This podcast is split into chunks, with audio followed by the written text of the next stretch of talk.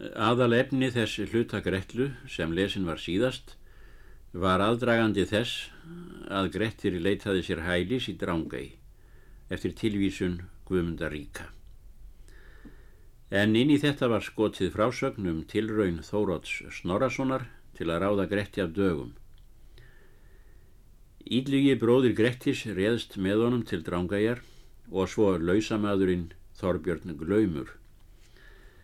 Við skildum síðast við Gretti á Hegranes þingi en þangað hafðan farið úr dranga í dölbúin og nefndi sig gest.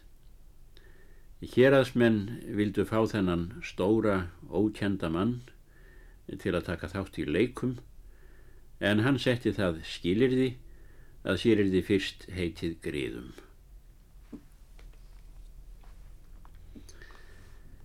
Þá þutu upp allir og hváðust það gjarnavilja.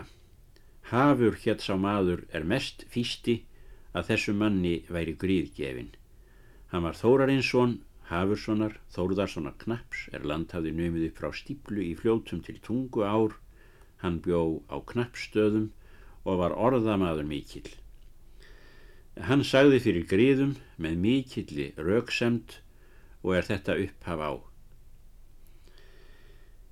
Hér set ég grið, segir hann, allara manna á millum, einkanlega þessum sama gesti tilnemdum er hér situr og að undir skildum öllum goðorsmönnum og gildum bændum og allrað alþýðu výra manna og oppfæra og allir aðrir héradsmenn í hægrannestingi eða hvaðan sem hverjir eru aðkomnir nefndra manna eða ónefndra, handsölum grið og fullan fríð komumanni hinnum ókunna er gestur nefnist til gamans, glímu og gleði allrar til hérvistar og heimferðar hvort er hann þarf að fara á leigi eða landi að fari eða flutningi.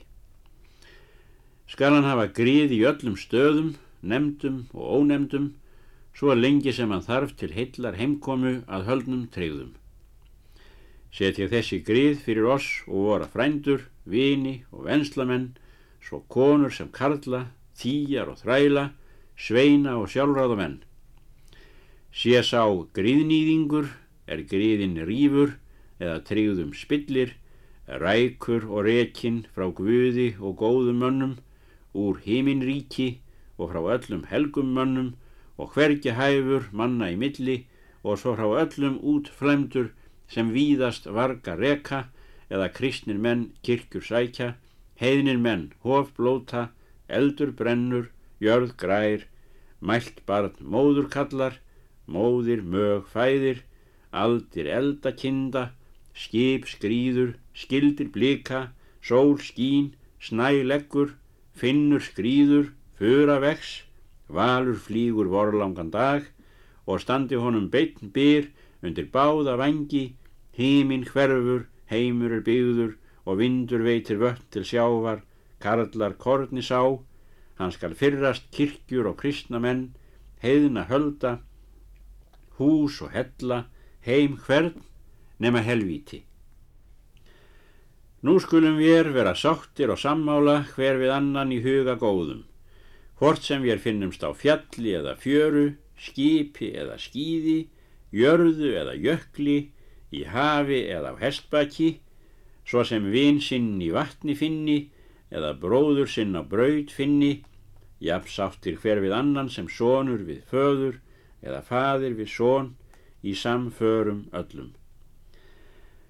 Nú leggjum við hendur saman og allir við og höldum vel gríðin og öll orð töluð í tryggðum þessum að vittni Guðs og góður að manna og allra þeirra er orð mín heyra eða nokkrir eru nær stattir. Tóku þá margir til orða að mikið var um mælt. Gestur mælti þá. Vel hefur þú um mælt og sagt, ef þér spillið eigi um síðar, skal ég nú ekki dvelja það sem ég hef til fram að láta. Eftir það kastaði hann kublinum og því næst öllum bólklæðum. Þá leit hver til annars og brá mjög vá fyrir grön. þóttust þeir kenna að þetta var Grettir Ásmundarsson því að hann var ólíkur öðrum mönnum fyrir vakstarsakir og þregleika og þögnuðu nú allir en hafur þóttist ósvinnur orðin. Gengu nú tveir og tveir saman af hérasmönnum og ámælti hver öðrum og þeim mest er fyrir gríðunum, hafði sagt. Þá mælti Grettir. Gerið greiðlegt fyrir mér hvað yfir býr í skapi, því að ekki sít hér lengi klæðlaus, eigið þér miklu meira í hættu en ég, hvort þér haldið greiðiðar eða eigi. Þeir svöruðu fáu og settust niður. Þórðarsýnir og Halldór máur þeirra tóku nú tal með sér. Vildu sumir halda griðin en sumir eigi. Nippaði hver kolli að öðrum. Grettir hvað vísu. Hann hæðist að mönnum fyrir að hafa ekki borið kjensla á sig þótt hann væri þeim áður kunnur. Þeir séu komnir í klípu. Málæðið í hafri hafi orðið endasleft. Þá mælti tungusteinn. Þykir þér svo vera grettir eða hvað munu þeir afráða höfðingjarnir? En satt er það að þú ert afbraðsmaður fyrir hreisti sakir eða sér þú eigi að hver krjár nefinu að öðrum. Grettir hvað þá vísu. Þar segir hann meðal annars að þeir hafi tekið að yðrast gríðasölunar. Þá mælti Hjalti Þórðarsson. Ekki skal svo vera, segir hann. Halda skulum við grið vor, þó að vor hafi orðið hyggindis munur. Vil ég eigi að menn hafi það til eftir dæma að við sjálfur höfum á gengið á grið þau sem við höfum sett og seld. Skal Grettir fara líðugur þangað sem hann vill og hafa grið til þess að hann kemur aftur úr þessari ferð eru þá úti þessi treyðamál hvað sem ígerist með oss. Allir þökkuðu honum fyrir og þótti hann höfðinglega gera, slíkar sakir sem tilvoru.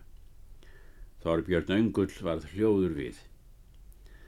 Var þá talað til að annarkvor þeirra þórðanna myndi taka á Gretti, en hann bað þá ráða. Nú gekk annar fram þeirra bræðra. Grettir stóð fyrir réttur en hinn hljóp að honum sem snarast og gekk Grettir hvergi úr spórum. Grettir seildist aftur yfir bakþórði og tók svo í brækurnar og kifti upp fótónum og kastaði honum aftur yfir höfuð sér svo að hann kom að herðum nýður og var það allmikið fall. Þá mæltu menn að þeir skildu fara til báðir bræðurnir senn og svo var gert. Þá urðu allmikla sviftingar og máttu ímsir betur, en þó hafði Grettir ávalt annan hvorn undir, en ímsir fóru á knje eða sliðrur fyrir öðrum. Svo tókust þeir fast á að hvervetna var blátt og blóðrisa. Öllum þótti að þessu hinn mesta skemmtun. Og er þeir hættu, þökkuðu allir þeim fyrir glímuna og var það dómur þeirra er hjásátu að þeir væru eigi sterkari tveir en grettir einn, en hvor þeirra hafði tveggja manna megin þeirra sem gildir voru. Þeir voru svo jafn sterkir að hvorugur bara af öðrum ef þeir reyndu með sér. Grettir var ekki lengi á þinginu. Bændur báðu hann gefa upp eina en hann neytti því og gáttu bændur ekki að gert. Grettir fór aftur til drángæjar og tók yllugi feginsamlega við honum. Settust þeir um kyrt, sagði Grettir þeim nú frá ferðum sínum, leið nú fram á sömarið. Öllum þótti skakfyrðingar mikinn drengskap sínt hafa hversu vel þeir heldu grið sín og má þá af slíku marka hverjir degðarmenn þá voru slíkar sakir sem Grettir hafði gert við þá. Bændur þeir sem óríkari voru töluðu með sér að þeim væri lítið gagn að eiga lítinn part í drángæi og buðu nú að selja Þórðarssonum en hjalti hvaðst eigi kaupa vilja. En bændur skildu það til að sá er kaupa vildi, skildi annarkort drepa Gretti eða koma honum brott. Þorbjörn Öngull hvaðst eigi spara að bindast fyrir um aðför við Gretti ef þeir vildu gefa honum fjö til. Hjalti bróður hans lagði af við hann sinn part í eigunni því að Þorbjörn var þeirra harðfengari og óvinsæl. Svo gerðu þá fleiri bændur. Fjekk Þorbjörn Öngull þá mikinn hlut eigarinnar með litlu verði en hann bast undir að koma Gretti á brottu. Sjötugasti og þriðji kapitúli Að áliðnu sumri fór Þorbjörn Öngull með allskipaða skútu til drángæjar en þeir Grettir gengu fram á bjargið. Töluðust þeir þá við. Bað Þorbjörn Gretti gera fyrir orð sín að fara úr eigunni. Grettir hvað þess enga von. Þorbjörn mælti. Vera má að ég megi gera þér því líti liðsynni, þótt þú gerðir þetta, en nú hafa bændur margir lagt upp við mig, það er þeir hafa átt í eigunni.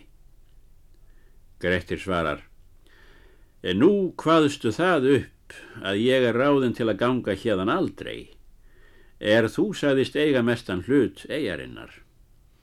Er það vel þó að við deilum kálið, en uh, Það var satt að mér þótti erfitt að hafa alla skakfyrðinga í móti mér. En hér er hvorugur til sparandi, því að við munum ekki kapna í vinsældum manna. Máttu vel afleggja ferðir þínar hingað, því að allt er umgert fyrir mér. Það er allt er ákveðið það minni hálfu. Sinnar stundar býður hvað, saði Þorbjörn, og myndu íls býða. Hætt mun á það verða, saði Grettir og skildu við svo búið. Fór Þorbjörn heim aftur. Sjötugasti og fjörði kapitúli. Svo er sagt að þá er Grettir hafði tvo vetur verið í drángæi, þá hafðu þeir skorið flest allt söðfjað það sem þar hafði verið, en einn hrút letu þeir lifa svo að geti sé. Hann var hös mögóttur að lit, það er grár á hvið, og hyrndur mjög. Að honum hendu þeir mikið gaman, því að hann var svo spakur að hann stóð úti fyrir og rann eftir þeim hvar sem þeir gengu. Hann gekk heim til skála á kveldin og gneri hornum sínum við hurðina. Gott þótti þeim í eigunni því að þar var gott til matar fyrir fugglssakir og eggja en til eldi viðar var þar nefst að abla, eða knappast. Og létt Grettir jafnan þrælinn kann að reka og rak þar oft kepli og bar hann þau heim til elda. Ekki þurftu þeir bræður að starfa utan að fara í bjarg, þá er þeim líkaði. Þrællinn tók að letjast mjög á starfanum Eh, gerðist hann nú möglunarsamur og ógeimnari en verið hafði.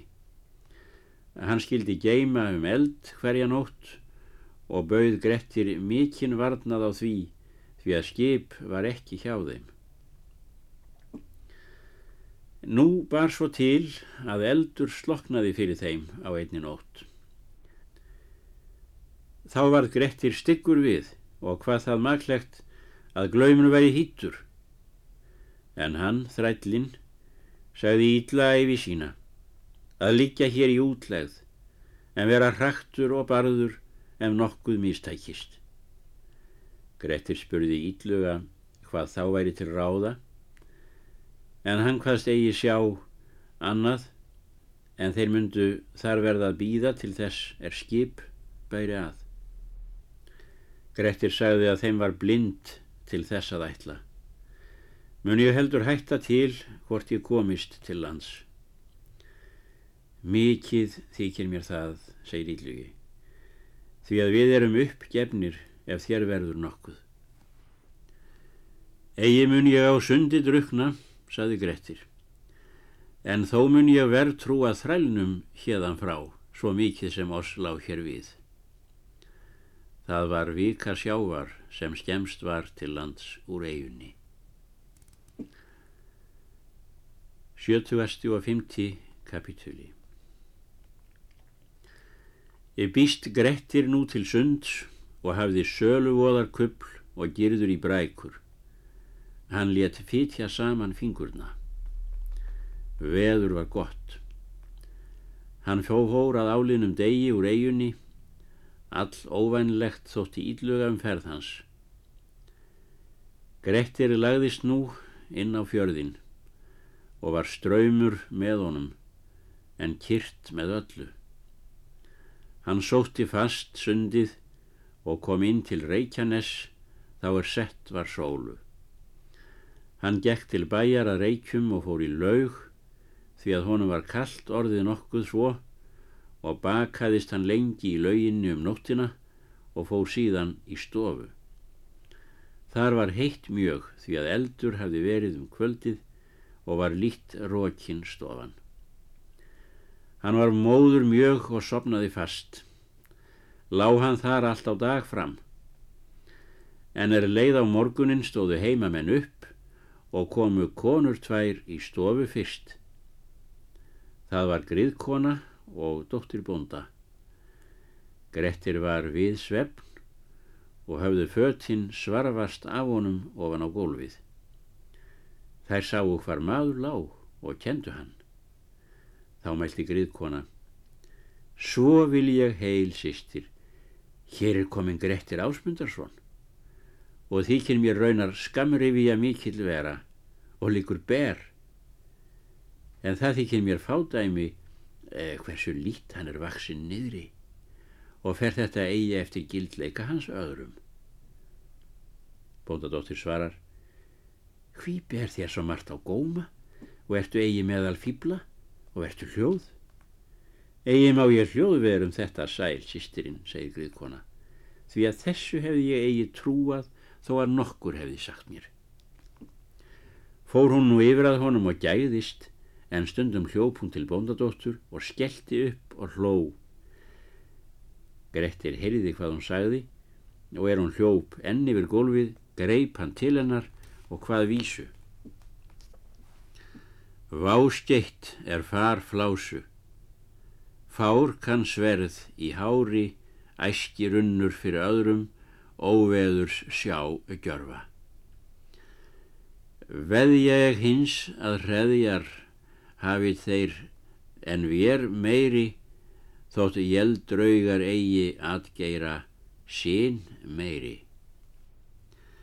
Síðan svifti hann henni upp í pallin, en bondadóttir hljóp fram. Þá hvað grettir vísu. Sverði lítinn hvað sæta sömskorða mig orðin.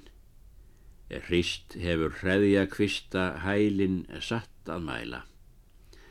Allir lengi má ungum, eileggjar býð freyja, lágur í læra skógi lótu, faxi mér vaksa. Griðka æfti hástöfum en svo skildu þau að hún fríði eigi á gretti. Um það er laug. Littlu síðar stóð hann upp og gekk til Þorvaldsbonda og sagði honum til vandkvæða sinna og bað hann flytja sig út og gerði hann svo og liði skip og flutt hann út og þakkaði Grettir honum fyrir þennan drengskap. En er það fréttist að Grettir hafði lagst viku sjávar, þóttu öllum frábær frekkleikur hans bæð á sjá og landi. Skagfyrðingar ámæltu mjög Þorbirni öngli fyrir það er hann kom eigi Gretti brott úr drángei og hvaðust mundu aftur taka hver sinn part. Honum þótti sér óhægt um og bað þá vera góða í byðum. Sjötuesti og sjötti kapitúli Þetta sumar kom skip út í göngusgarðs á Rósi. Þar var ás á maður á skipi er hæringur hétt. Hann var ungur maður og fær svo vel að hann kleif hvert bjarg. Hann fór til vistar með Þorbjörni öngli og var þar fram á haust. Hann fýsti Þorbjörn mjög að fara til drángajar og hvaðst vildu sjá hvort hún væri svo mikið bjarg að hvergi mættu upp komast. Þorbjörn hvað hann eigi til einskís vinnaskildu ef hann kæmist upp á eina og fengi veitt gretti áverka eða drepiðan. Gerði hann þetta ágengilegt fyrir hæringi. Og eftir þetta fóru þeir til drángajar og skutu honum, austmanninum, upp í einhverjum stað og skildi hann leynast að þeim ef hann kæmist upp á eina en þeir lögðu að stiganum og tóku tal við þá Gretti. Spurði Þorbjörn Gretti hvort hann ætlaði ekki úr eiginni. Hann hvaðst í engu jafnar áðinn. Mjög hefur þú á oss leikið, segir Þorbjörn, nær sem ég fáum þess hemd, en eigi aukir þú margt að þér. Lengi áttust þeir þetta við og kom ekki ásamt með þeim. En frá hæringi er það að segja að hann kleif aftur og fram um bjargið og fekk uppkomist í einhverjum stað, þar sem horki hefur maður farið áður nýja síðan. En er hann kom upp á bjargið sér hann hvar þeir bræður voru og horðu baki við honum. Hugðist hann nú á skamri stundu að vinna bæði til fjár og fræðar. Þá varði einskis um hans ferðir því að þeir hugðu að hvergi mættu uppkomast nema þar sem stigarnir voru.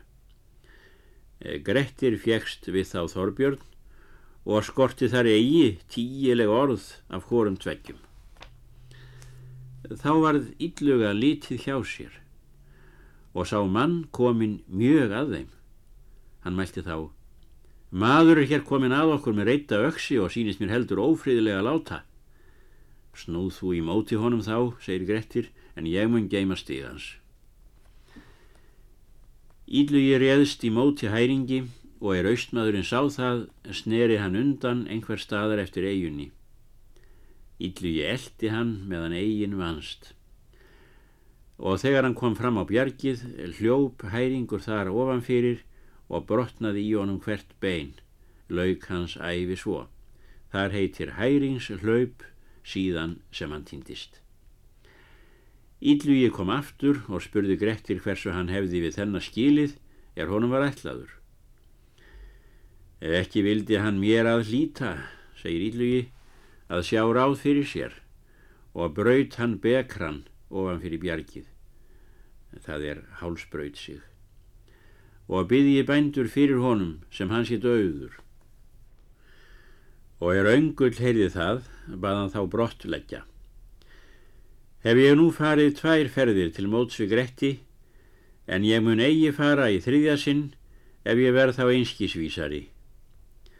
En nú þykir mér meiri vona þeir megi sitja í drángai fyrir mínum sökum. En það ætla ég að Grettir muni skemur sitja hérdan af en hingað til. Nú fóru þeir heim þótti þessi ferð verri en hinn fyrri og satt Grettir þennan vetur í drángæ og hittust þeir Þorbjörn ekki þann vetur. Á þessum vetri andaðist skafti lögmaður Þórótsson. Var Gretti það skaði mikill því að hann hafði heitið að ganga fyrir um síknu hans þegar Grettir hefði 20 vetur í sekt verið. En sá var hinn í nítjándi sektar hans er nú var sagt frá um hríð. Um vorið andaðist snorri goði og bar margt til tíðinda á þessum misserum það sem ekki kemur við þessa sögu. Sjötugasti og sjöndi kapitúli Þetta sumar á alþingi töluðu frændur Grettis margt um sekt hans og þótti sumum sem hann hefði út í sekt sína ef hann hefði nokkuð af hinnu 20. ári. En þeir sem sakir áttu við hann vildu það eigi og kölluðu hann margt útlæðarverk gert hafa síðan og þótti sekt hans eigað vera því lengur. Þá var nýr lögmaður tekinn, Steinn Þorgestsson, Steinssonar mjögsiglanda Þórissonar haustmyrkurs. Móðir Steins lögmanns var Arnóra, dóttir Þórðar Gjellis. Stein var vitur maður. Hann var þá beittur úrskurðar en hann bað þá rannsaka eh, hvort það væri hitt 20. sumar síðan hann var sekur ger en það varð svo. Eh, þá gekk að þórir úr gardi og leitaði að færa í alla trega þá er mætti. Eh, það merkir leitaðist við að koma með allar mótbárur. Og gatt hann fundið að Grettir hafði verið einn vetur út hér eh, svo að hann var ósekur og urðu þá nítján vetur þeir er hann hafði í sekt verið. Þá sagði lögsögumöður að enginn skildi lengur í sekt vera en 20 vetur alls. Þó að hann gerði útlagaverk á þeim tímum en fyrmun ég engan úr sekt segja. Og af þessu eittist síkn að sinni, en þótti nú að vísu ganga að hann myndi síkn vera á öðru sumri. Þetta líkaði ítla skakkfyrðingum ef Grettir kæmist úr sektinni. Báðu nú Þorbjörn Öngul gera annað hvort, leggja aftur eina eða drepa Gretti. En honum þótti vandi á höndum því að hann sá eigi ráð til að vinna Gretti en vildi þó halda eigunni. Leitaði hann allra bragða við að stíga yfir Gretti annað hvort með hardfengi eða brögðum eða á hvern hátt sem hann gæti það gert.